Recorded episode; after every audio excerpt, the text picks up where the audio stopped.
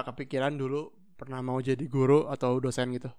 Soalnya waktu gue masih SMA kayak banyak banget teman-teman yang pengen jadi dosen. Sampai waktu awal-awal kuliah pun gue pengen sih jadi dosen.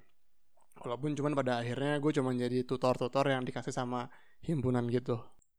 Kalau gue waktu itu sempat ngobrol-ngobrol juga sih. Terus pada akhirnya mungkin di masa tua nanti gue tertarik sih sebenarnya untuk jadi dosen. Kayak mungkin sekarang gue pengen nyari pengalaman dulu nih nantinya dengan dosen gue bisa share value-value yang ada hmm. kalau gue malah waktu itu kayak waktu itu hampir hampir banget kayak gue mau ambil S2 waktu itu udah udah kepikiran banget sih mau ambil S2 habis itu kepikiran jadi dosen kayaknya karena waktu itu sebenarnya suka sih suka dalam ngajar pas dapet kesempatan jadi asdos ataupun ngajar di tadi kayak Alman tutor-tutor di acara himpunan tuh hobi gitu loh dan suka banget ngajarin teman-teman di kelas juga kayak gitu sebenarnya. Nah, ngomong-ngomong dosen, hari ini kita kedatangan nih salah satu dosen kita nih Manuel nih. Bukan sekedar dosen. Apa tuh? Kepala-kepala dari dosen. Iya. Wes. Udah kita panggil aja ya. Mana nih Pak Romi? Hai Pak Romi. Hai, Pak Romi. Hai Ken, hai Will, hai Alman. Apa kabar Pak Romi? Baik. Baik, luar biasa lah seperti biasa. Alhamdulillah. Halo semuanya. Di COVID ini makin enak ya Pak ya? Ngajar ya? Lebih santai. Enggak juga, tetap aja. Oh tetap aja, bukannya enak ya jadi nggak harus ke kampus, bisa ngajar cuma pakai kemeja doang di atas, bawahnya pakai celana tidur juga nggak apa-apa kayak gitu, atau enggak? Kalau mengandalkan video conference kan koneksi setiap orang beda, jadi ya harus didukung video. Video saya masih Hmm. minim tuh, video pembelajaran. I see. Oh, ma- malah jadi tantangan sendiri ya Pak ya, malah COVID ini gitu ya, Iya, untuk belajar tantangan. hal. Betul. Untuk Oke, lebih oke. mengerti teknologi juga.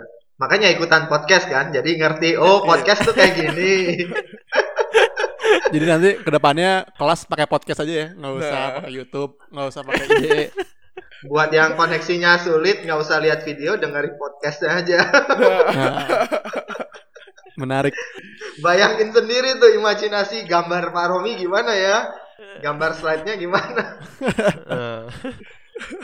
Oke oke. Nah, Pak Rom, tadi awal kan ngobrol sama William sama Alman nih ngomongin kepikiran jadi dosen atau enggak nih. Nah, kan Pak Romi kan udah jadi dosen nih, sekarang jadi dosen mungkin udah aku lupa berapa tahun juga. Nah, boleh di-share nggak sih Pak Romi? Waktu itu kepikiran kenapa sih akhirnya jadi dosen?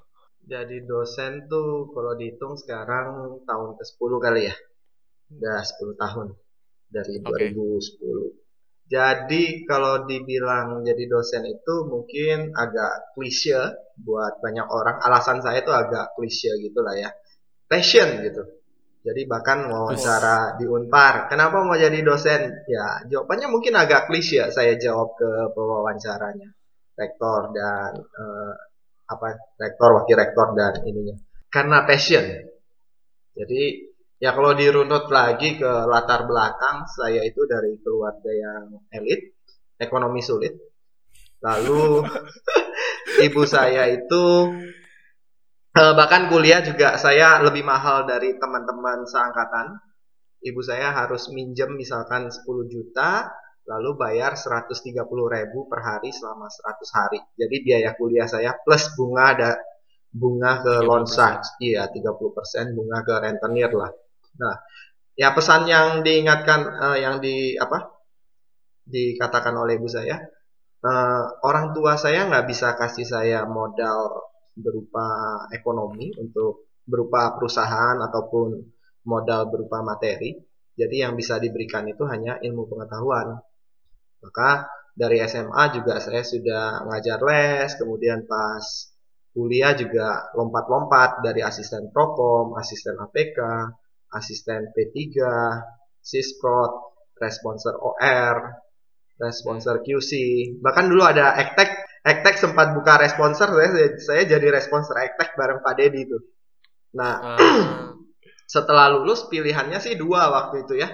Saya mungkin sekarang yang mahasiswa sekarang juga ngerasain nih kerja atau usaha. Nah kalau saya usaha atau jadi dosen. Nah sempat usaha buka toko komputer, buka warnet, buka toko fo- fotokopi, bahkan sempat ternak jangkrik juga. Habis itu ikut orang kerja ke Jakarta dilempar ke proyeknya ke Bintan ke Bali. Terus ya home base-nya sih di Jakarta. Akhirnya ya karena ngejar passion balik lagi ke Bandung terus apply jadi dosen. Jadi lulus 2005 lima tahun tuh keliling-keliling tuh lalu lima tahun kemudian baru ah balik jadi dosen deh kejar passion yang awal begitu Ken Will Alman Oh, Oke. Ini nih pertanyaan nih. Waktu itu kepikiran berarti waktu itu kepikiran jadi dosen tuh kapan sih, Pak? habis lulus Oh, jadi sebenarnya karena pengalaman Heeh, pengalaman dari ngajar terus memang oh seneng ngajar habis lulus itu ya jadi dosen atau pengusaha pengusaha itu ya karena tuntutan ekonomi dari orang tua juga kan karena Hmm. budaya suku Tionghoa itu biasanya kalau anak udah lulus atau apa biasanya harus setor tanda petik ke orang tua. Oh, Tapi saat itu kerja sama orang bukan jadi pilihan, Pak. Eh, bukan jadi pilihan. Lebih ke karena usahanya bangkrut. Ya bukan bangkrut sih pecah kongsi masing-masing punya jalan sendiri kongsinya nggak solid. Nah itu makanya yang lain dengerin tuh podcast sebelumnya yang memilih partner bisnis. Wah, mantap. mantap mantap mantap. nah jadi ya kongsinya kan pecah. Pecah kongsi Hmm. akhirnya saya dengan teman satu lagi dia udah jadi dosen tuh. Malah resign bareng kita ke Jakarta ikut orang ikut apa ngerintis perusahaan lah. Begitu. Oke. Ini berarti itu keluarga elit ini berarti dari kecil ya, Pak, sebenarnya gitu ya, Pak ya? Maksudnya dari dari awal kayak gitu kah atau Eh, keluarga elit itu jadi kalau bisa dibilang saya enam bersaudara. Lalu Ah, oke. ayah saya cuma lulusan ngakunya sih SMP. Kalau dicek ijazahnya nggak pernah ketemu saya ijazah SMP-nya.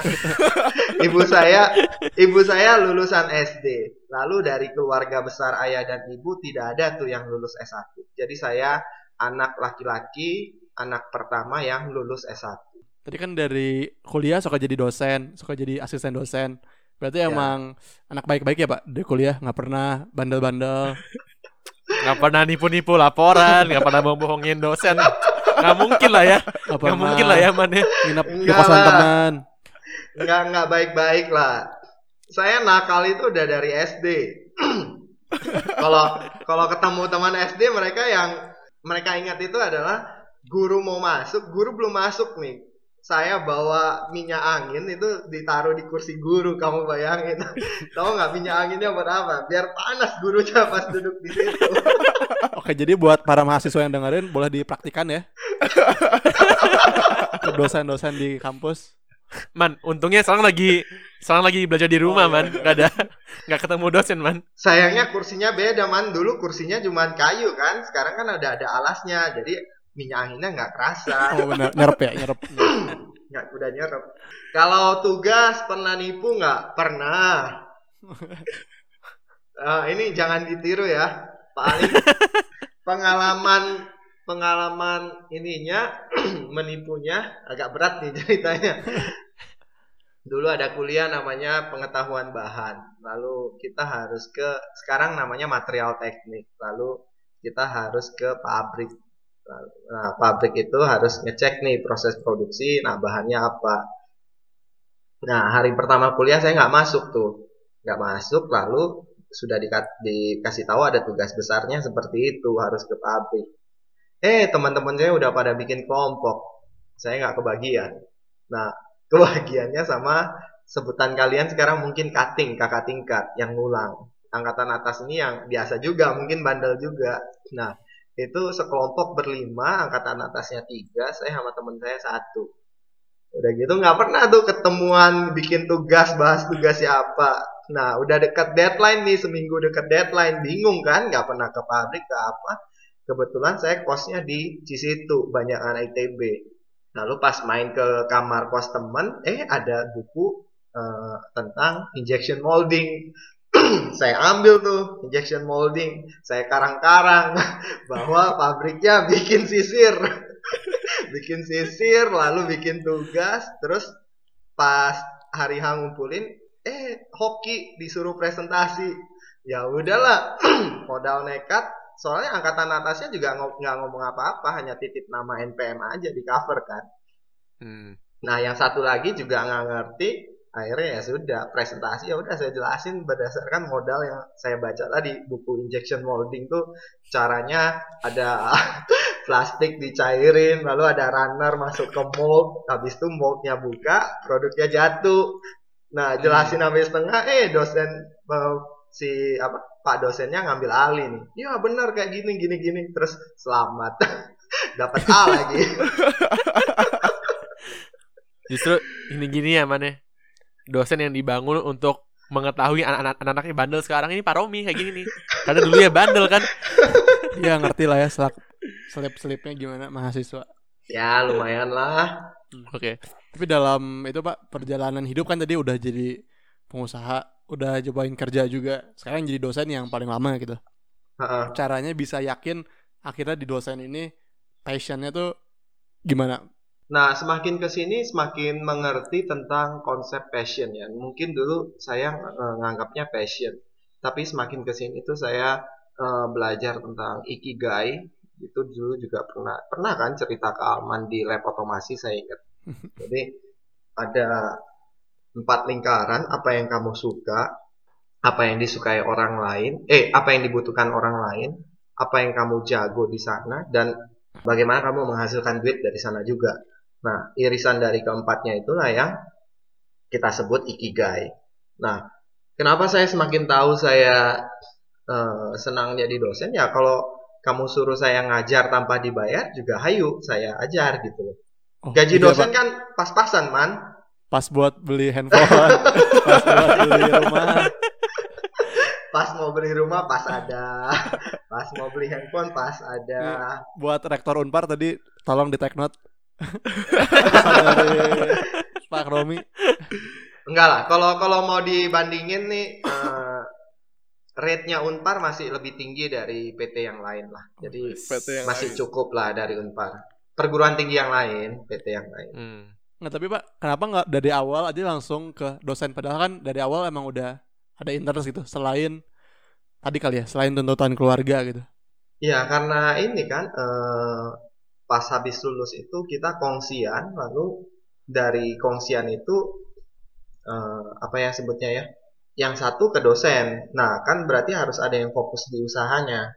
Nah, saya fokus di usaha itu kan.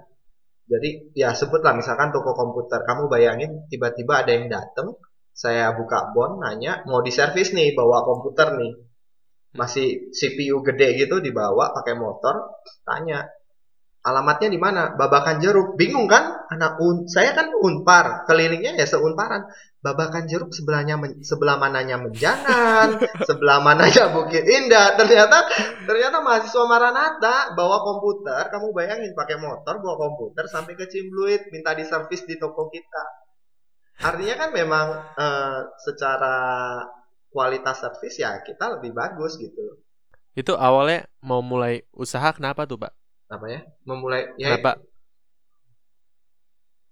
ya itu tadi eh, habis lulus pilihannya kayak anak-anak sekarang kan pilihannya usaha atau kerja Kerja. Heeh. sama aja saya juga dulu lulus usaha atau dosen terus karena memang eh, ketemu kongsian bertiga Hmm. saya fokus di usahanya teman saya yang apply ke dosen lalu dinamika terjadi dia resign tuh dia resign kita berdua ke Jakarta nah habis di Jakarta saya yang resign saya jadi dosen jadi kayak tukeran gitu sama dia Hmm, oke.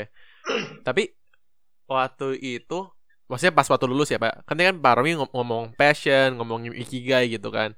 Nah, pas lulus tuh apakah Pak Romi sebenarnya udah yakin banget nih, oh ngajar tuh adalah passion saya gitu atau malah waktu itu passionnya itu sebenarnya bisnis gitu ternyata. Terus akhirnya Pak Romi ambil bisnis, eh salah belok akhirnya baru ke jadi dosen kayak gitu. enggak sih sebenarnya memang pas kuliah itu memang udah mau jadi dosen apalagi waktu itu kualifikasinya masih S1 boleh jadi dosen cuman karena Hmm. memang eh, dari pembicaraan kongsi itu akhirnya teman saya yang apply saya fokus yang di usahanya ya trade off lah ya karena memang memang untuk membangun bisnis kan memang harus dibagi ininya kerjaan Hmm.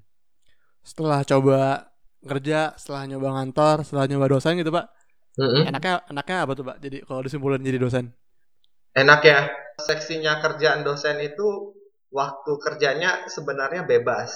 Datang jam berapa nggak diikat, pulang jam berapa juga nggak diikat. Hmm. Yang penting eh, tridharmanya beres, pengajaran beres, penelitian ada, ab- pengabdian masyarakatnya juga ada. Hmm. Begitu mah. Jam kerja bebas. Iya, meskipun meskipun Unpar jamnya jam 6 sampai jam ah, jam kantor lah ya kita sebut ya karena kan eh, bisa milih. Tapi kalau saya datangnya misalkan Selasa cuma ngajar jam 2 jam 4, ya udah saya datang jam 2 ngajar, jam 4 saya pulang. Bisa.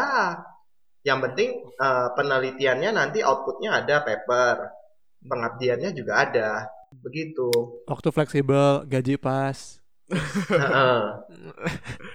Bisa ngembangin diri. Kalau misalkan Pak, kalau misalkan kita kalau kita dikerja kayak kita kerja keras Mm-mm. tujuannya buat naik pangkat anggapannya lah, naik jabatan. Nah, kalau di dosen kayak gimana sih, Pak?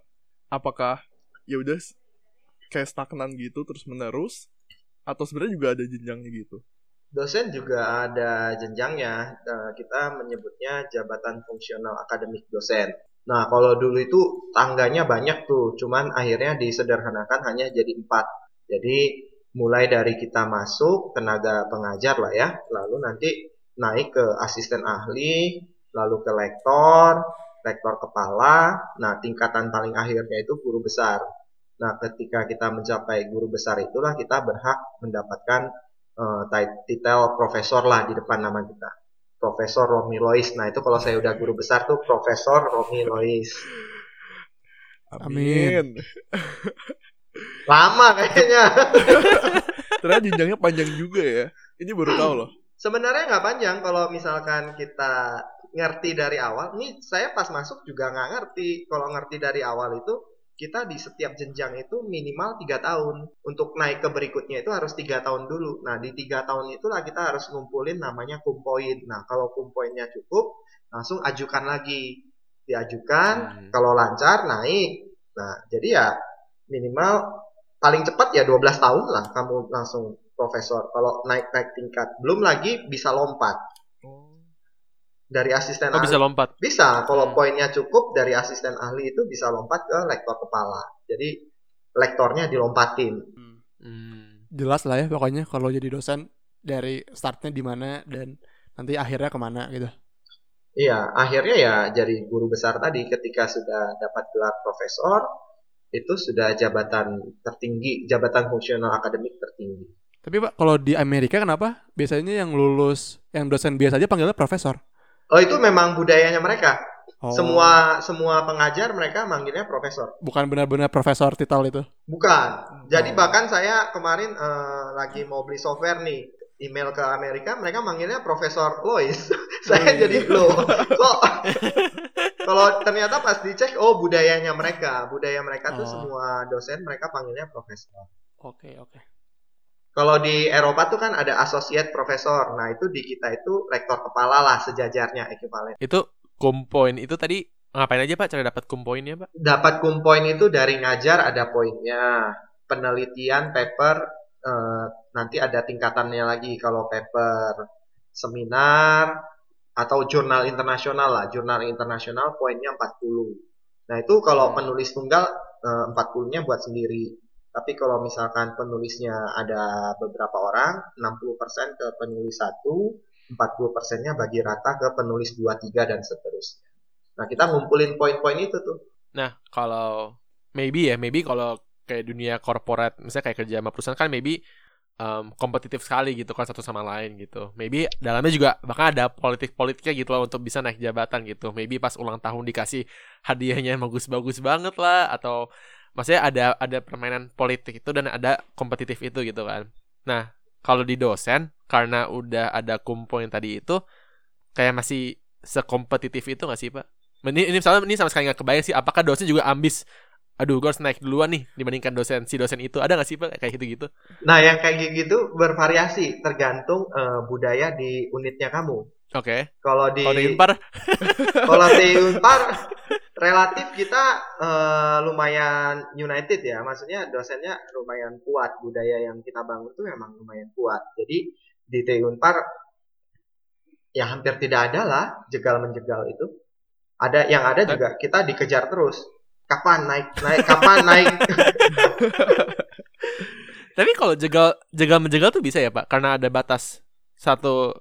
Ya maksudnya kayak cara cara jegal menjegal gimana sih? Bukannya kayak Jadi itu kan? dosen mah nggak saling sikut sama dosen sama mahasiswa nih siapa yang dapat hadiah paling banyak dari mahasiswa. oh kan kita nggak boleh ngasih hadiah ke dosen man ya secara umum secara kasih. umum secara umum.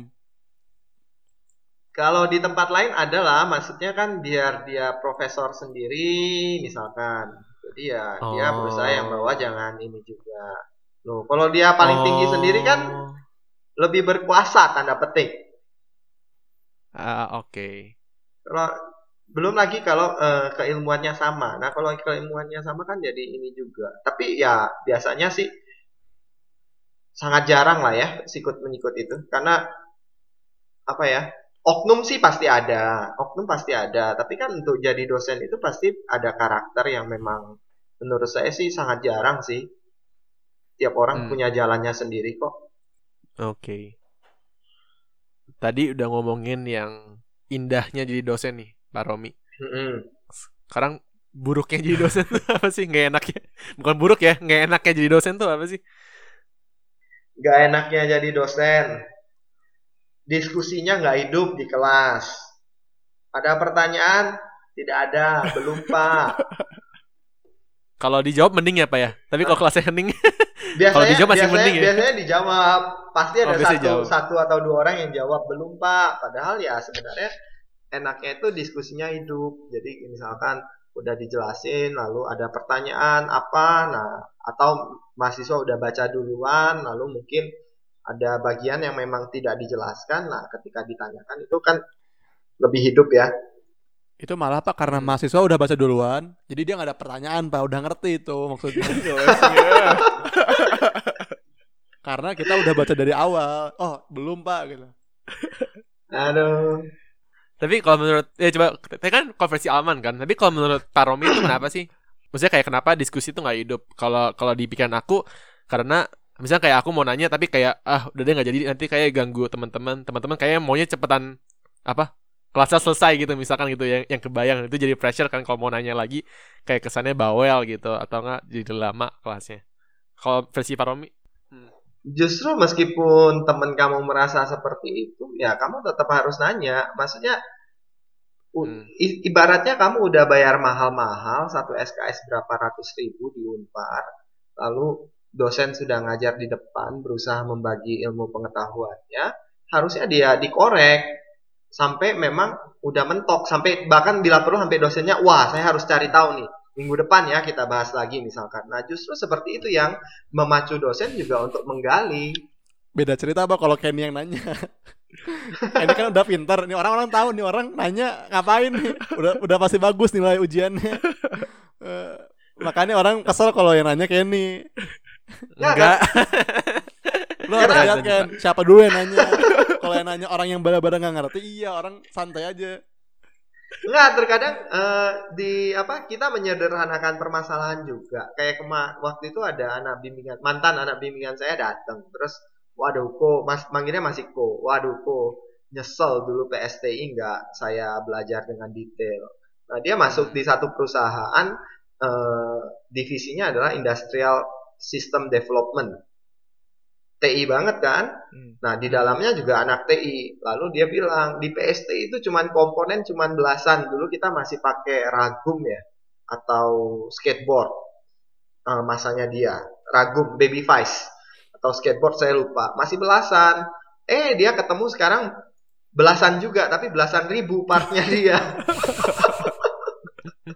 partnya dia belasan ribu, kemudian dia harus eh, ngerancang pabrik lagi apa segala macam. Tapi memang divisi itu memang TI banget, Industrial System Development gitu. langka tuh pasti tuh kayak gitu-gitu tuh. Mm-mm. Oke. Jadi ya nyesalnya nggak belajar lebih detail, nggak berusaha menggali. Padahal ya memang kita bikin part belasan itu kan juga memang udah memperhitungkan beban mahasiswa juga. Nah itu sebenarnya kayak disayangkannya nggak tahu ya ini makanya menurut Pak Romi gimana sih kalau menurut aku gitu ya pandangan aku mahasiswa sekarang anggapnya kayak mental bukan mental sih maksudnya kayak waktu itu ini termasuk aku ya anggapnya kayak SMA aja gitu. Yang penting buat lulus mata kuliah gitu. Bukan tujuannya bukan kayak belajar lebih dalam tentang ilmunya gitu tapi malah kayak oh iya ini ilmu yang buat ujian. Jadi udah cukup sampai situ aja sampai gua ngerti dosennya yang ngajarin apa ya udah itu cukup gitu nggak usah sampai nanya-nanya lebih dalam Nah, itu nanti nyeselnya belakangan. Kenapa saya Hmm. bilang belakangan? Ini lagi alumni datang, ada alumni talk. Eh, dia cerita, dipanggilnya di FTIS. Kan kaget saya. Lah ini kan mahasiswa TI, kok dipanggilnya di FTIS? Nah, ternyata dia senior data analis di Topet, Tokopedia. Lalu pas ketemu, ngobrol, iya Pak, saya karena data analis, saya jadi beli buku Montgomery, Nah, buku itu saya bawa ke kantor. Kamu bayangin nggak? Kalau dia belajar pas statistiknya udah benar-benar belajar, mungkin dia nggak perlu beli buku dan bawa ke sana lagi. Ataupun beli buku itu hanya iseng dan memperdalam. Nah, sekarang dia jadi harus belajar ulang kan, beli buku Montgomery, buku asli malah, mahal itu. Nah, dia bawa-bawa ke Tokopedia tuh untuk dia belajar lagi untuk analisis data. Nyeselnya belakangan. Ken. Hmm. Nah, maksud aku, eh, maybe tadi makanya ini pertanyaan kan kayak kenapa ini susahnya jadi dosen gitu ya, Mm-mm. gitu sih kayak. Nah itu kayak aku biasanya aku bingung sih kayak kira-kira solusi apa ya? Soalnya itu balik lagi ke anaknya, Ya. dirinya sendiri lagi kan mau atau Ah. enggak dan gitu. Betul. Ya memang budaya kita kan, apalagi Hmm. Indonesia budaya membaca juga kurang. Ya harus Iya, iya. harus inilah ada namanya eh, apa namanya literasi, kecerdasan literasi. Jadi bukan hanya baca, bukan hanya bisa baca, tetapi bisa mengerti apa yang dimaksud dari bacaan tersebut. Nah itu kecerdasan literasi kita juga eh, belum begitu tinggi di Indonesia. Kalau itu dari sosok mahasiswanya, Pak, kalau misalnya dari sosok Mm-mm. dosennya sebenarnya yang bisa diperbuat untuk hal itu gimana, Pak? Ada nggak sebenarnya ada taktik-taktik yang bisa dilakuin? Nah, terkadang kita harus belajar mental apa namanya? eh, ya, mental mahasiswa kan beda-beda ya tiap generasi. Lalu kita harus bikin sesuatu yang menarik mereka supaya apa namanya? supaya tertarik lah mendengarkan penjelasan dosen atau tertarik untuk membaca dan sebagainya. Nah, itu juga tantangan tersendiri. Jadi misalkan kayak di analisis keputusan sekarang OR3 belajar utility teori. Nah, saya harus cari video misalkan tentang eh, videonya kamu pilih mana permata atau air. Kalau ditanya sekarang ya mungkin kita milihnya permata karena nominalnya kalau dijual tinggi. Nah, apa ter- apa yang terjadi kalau di eh, padang pasir? Kamu dikasih permata dan sebotol air. Pasti milihnya sebotol air dulu. Hmm. Sejam kemudian ditanya, ngambil lagi botol air. Sampai kamu melihat, ah nilai utilitas botol air tuh semakin turun. Udah cukup nih untuk perjalanan di gurun. Berikutnya kamu udah ngambil permata-permata. Nah, video seperti itu kan menarik tuh. Ditaruh di perkuliahan untuk ditonton dulu. Nah, yang seperti itu. Jadi dosen juga kita harus kreatif, harus belajar terus bagaimana untuk menarik perhatian mahasiswa. Termasuk ya yang kekinian-kekinian juga kan, pakai istilah kekinian segala macam. Nah, itu juga tantangan tuh untuk ngikutin. Pak, kalau misalnya tadi Ya. udah capek-capek, misalnya dari kan full misalnya kerja nih, kayak dari pagi sampai sore. Nah, kalau misalnya biasanya kita kerja kan pulang-pulang istirahat. Nah, kalau jadi dosen, kayak selesai dari ngajar itu istirahat juga kah? Atau biasanya ngapain lagi, Pak? Ada waktu luang itu? Nah, enaknya jadi dosen, saya pulang masih bisa main dengan anak, masih bisa ngapain. Beda dengan teman saya kerja di Jakarta, dia berangkat jam 5 atau jam 6 pagi, anak sudah tidur, eh anak belum bangun, Ah, pulang jam 8 sampai rumah jam 10 anak udah tidur nggak ketemu. Nah kalau saya pergi jam 8 atau jam 9 ba- biasanya sih ngantar anak dulu jam 6.30 berangkat ke sekolah ngantar anak dulu lalu Hmm. pulang sarapan ngobrol sama istri terus ke kampus habis pulang masih bisa main masih bisa inilah punya quality time lah sama keluarga Kalau lagi ujian juga gitu pak. Kalau lagi ujian justru lebih enak, cuman biasanya waktu mahasiswa ujian atau Periksanya ya? libur, nah habis ujian kan periksa, lalu pas SP ya dosen kita ngejar kerjaan yang tertunda lah kayak penelitian, pengabdian masyarakat. Nah, itu bisa atau loka karya, rapat-rapat kerja seharian untuk ngeberesin uh, petunjuk pelaksanaan dan sebagainya yaitu dimanfaatin di sela-sela waktu uh, UTS UAS. Kemarin tuh uh, saya kan baru baca-baca nih Pak uh, Bapak Mendikbud nih bikin suatu konsep baru yang namanya kampus merdeka. Nah, Ya. ada dua poin sih, ada dua poin yang menurut saya menarik banget apalagi buat uh, masa depannya pendidikan di Indonesia. Yang pertama Mm-mm. itu otonomi dari sebuah kampus bisa bikin prodi baru. Dan yang kedua sama hak mahasiswa belajar tiga semester di luar program studi.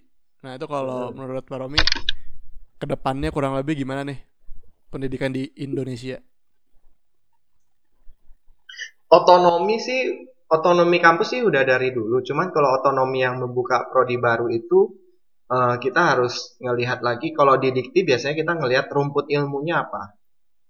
Rumput ilmu. Jadi kayak eh, baliknya ke asalnya ini ilmunya apa. Jadi harus ada. Nggak sembarangan kita langsung buka prodi baru. Kayak waktu itu saya jadi tim analisis kelayakan pembukaan eh, teknik mekatron.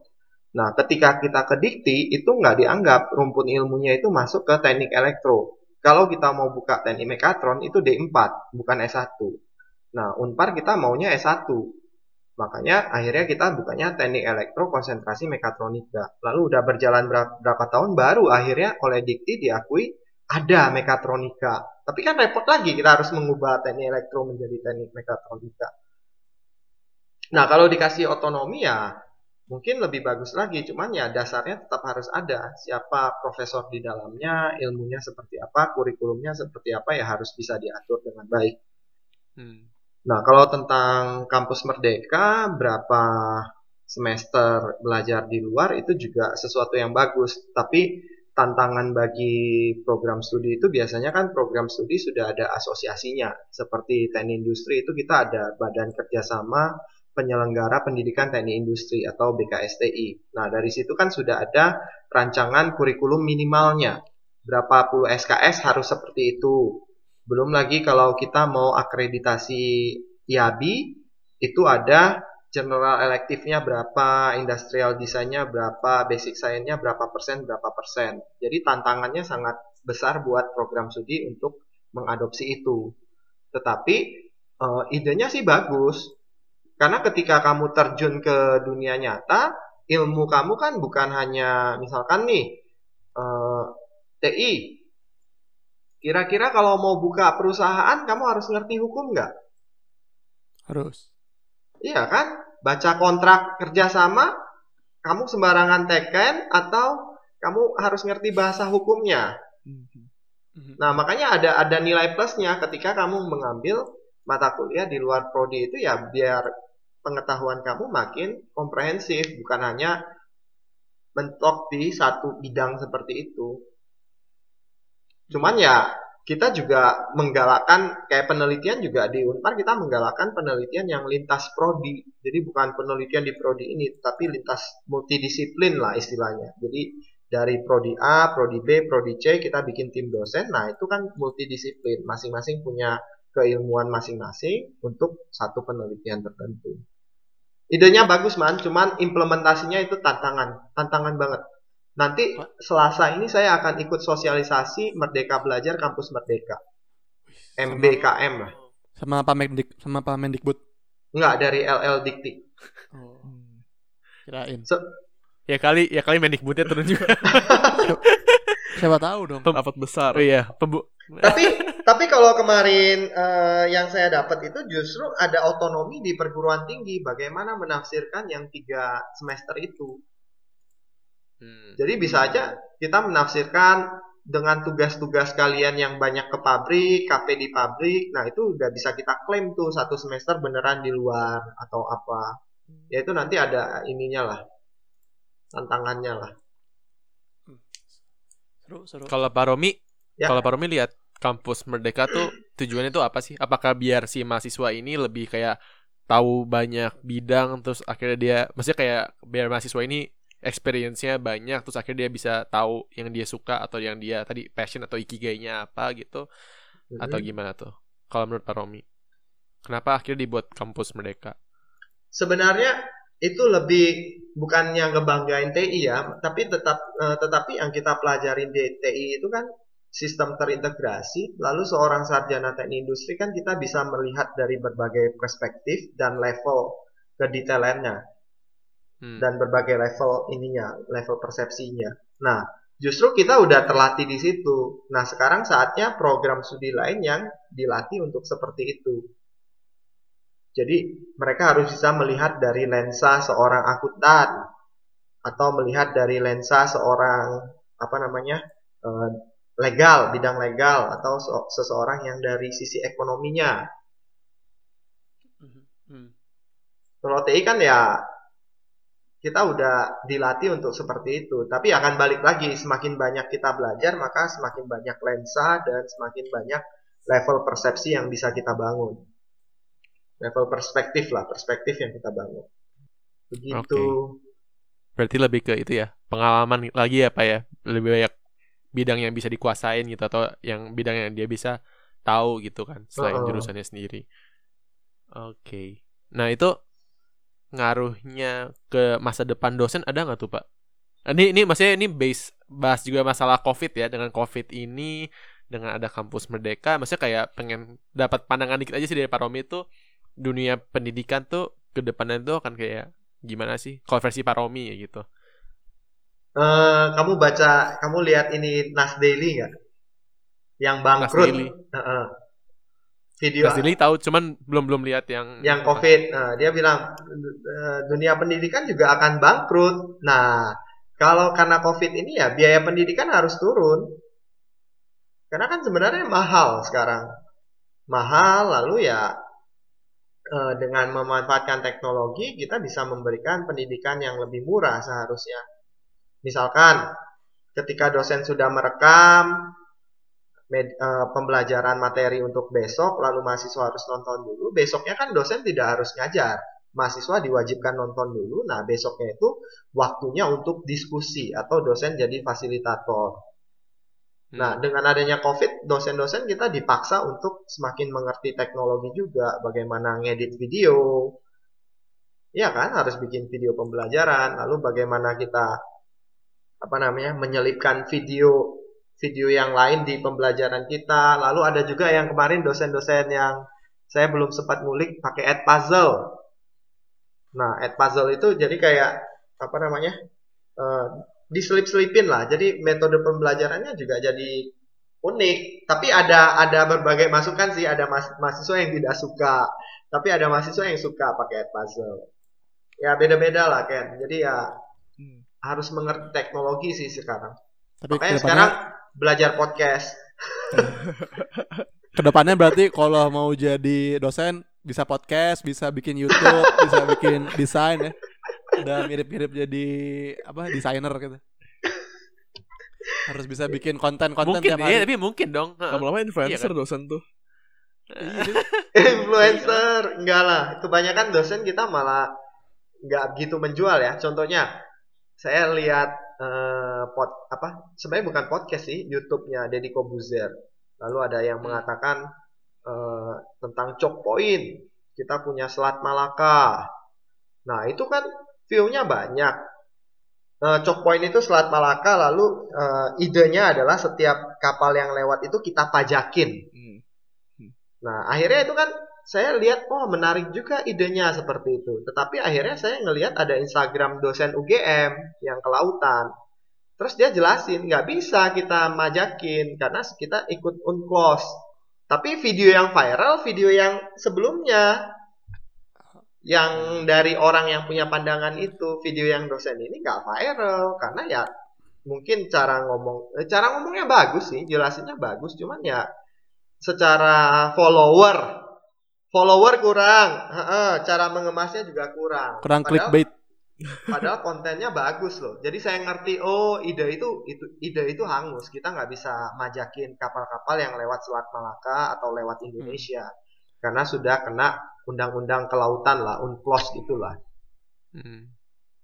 Ya, good sih, udah good banget kayak udah belajar tentang eh, cerita perjalanannya Pak Romi dari yang awalnya gak bandel nggak pernah nipu dosen terus coba-coba nyari passionnya ya sampai akhirnya bisa ketemu ikigai awalnya cuman apa coba pengusaha kerja sampai akhirnya fokus nih sekarang di kerja eh di dosen bahkan sampai bosnya dosen nih Bosnya dosen. Ada yang baru man? Oh udah ada. Bukan. eh, selain ikigai ada lagi lagu. Ayo, Wah. pernah dengar kan? menarik menarik pembahasan Bahasa- untuk berikut- Bahasa apa tuh? Lagum itu eh, pas ukurannya lah, nggak lebih nggak kurang. Nah, hidup itu juga harus ikigai dan lagum itulah bahasa Swedish. Nanti di search saja L A G O O M. oke jadi Just the right amount. mantep nanti kita bahan buat bertopik selanjutnya oke Pak Romi Thank you Oke. banget. Insight-nya udah siapa tahu para pendengar juga bisa tertarik jadi dosen apalagi di Unpad ya, yang gajinya pas pas buat beli rumah pas buat beli handphone pas buat jalan-jalan Thank you juga udah diundang ke Value in Minutes. Jangan kapok ya. Siap. Makasih Pak Romi.